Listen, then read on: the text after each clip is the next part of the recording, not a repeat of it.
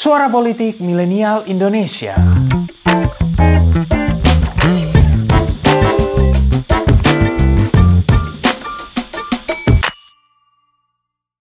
Banyak yang mengeluh kenapa nggak orang Indonesia semua? Ya memang nggak ada karena apa? Kita berpuluh-puluh tahun tidak pernah memperhatikan pembangunan politeknik yang berkualitas di daerah-daerah ini.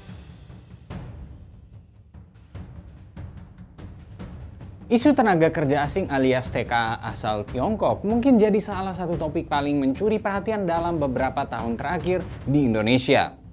Di satu sisi memang ada keprihatinan mengingat dengan adanya pekerja asing, maka ada lapangan pekerjaan yang sebenarnya bisa diisi oleh warga lokal, namun harus teralihkan kepada orang asing. Namun jika berkaca dari persoalan kompetensi pekerjaannya, seperti yang dibilang Pak Luhut, hal ini memang tak terelakkan. Tiongkok sendiri kini jadi negara asal dengan TKA terbanyak di Indonesia. Laporan Kemenaker menyebut kurang lebih ada sekitar 51.600 orang TKA Tiongkok di Indonesia atau sekitar 47% dari seluruh TKA.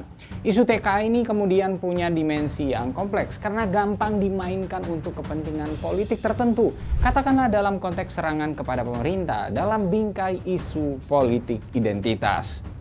Namun tahukah kalian kalau kebijakan TKA Tiongkok ini adalah bagian dari sebuah grand design ekonomi yang telah dirancang sejak tahun 90-an yang memang menyebabkan perusahaan-perusahaan Tiongkok harus mengirim pekerja mereka ke luar negeri. Inilah yang membuat Tiongkok jadi negara pengirim TKA terbesar kedua di dunia. Wih, penasaran seperti apa kisahnya? Get your coffee and let's get it started.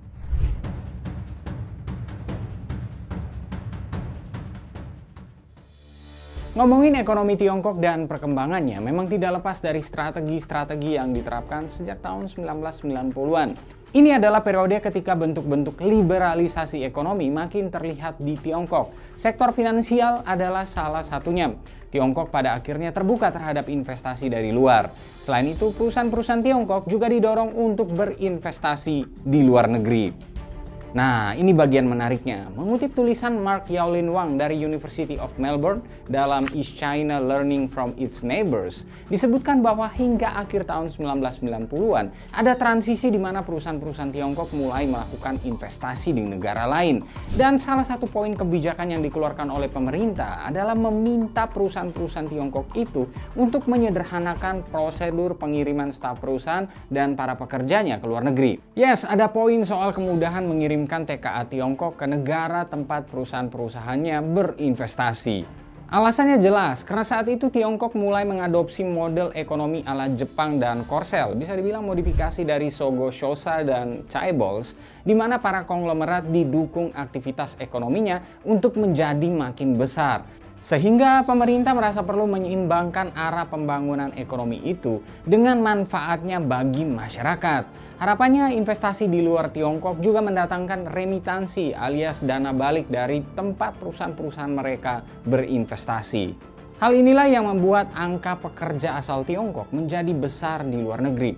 Kalau berkaca dari data World Bank di tahun 2020 lalu, Tiongkok mendapatkan remitansi atau pengiriman uang dari pekerja di luar negeri mencapai 59,5 miliar US dollar. Jumlah ini hanya kalah dari India di posisi pertama.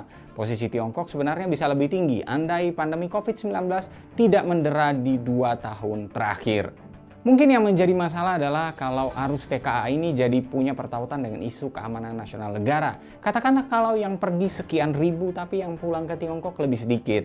Hmm, kan bisa menimbulkan prasangka soal agenda tersembunyi di balik kebijakan tersebut. Apalagi sebuah laporan dari Safeguard Defenders pada Desember 2022 lalu menyebut negeri yang dipimpin oleh Xi Jinping itu sampai membuka kantor-kantor polisi di negara lain demi kepentingan politik negara tersebut. Hmm, entah untuk menangkap warga Tiongkok yang melarikan diri atau untuk kepentingan yang lain.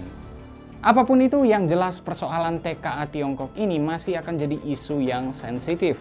Apalagi dalam konteks Indonesia, isu sinofobia atau warisan kekerasan etnis di masa lalu terhadap orang-orang Tionghoa masih jadi lembar tersendiri yang selalu dimainkan dalam konteks politik. Nah, lalu bagaimana menurut kalian? Apa pendapat kalian soal para TKA asal Tiongkok di Indonesia? Berikan pendapatmu.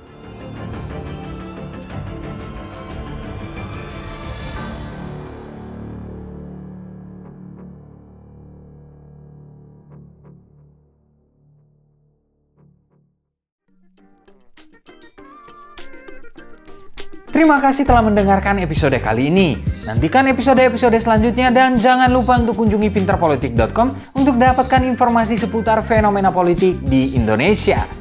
See you next time and bye-bye.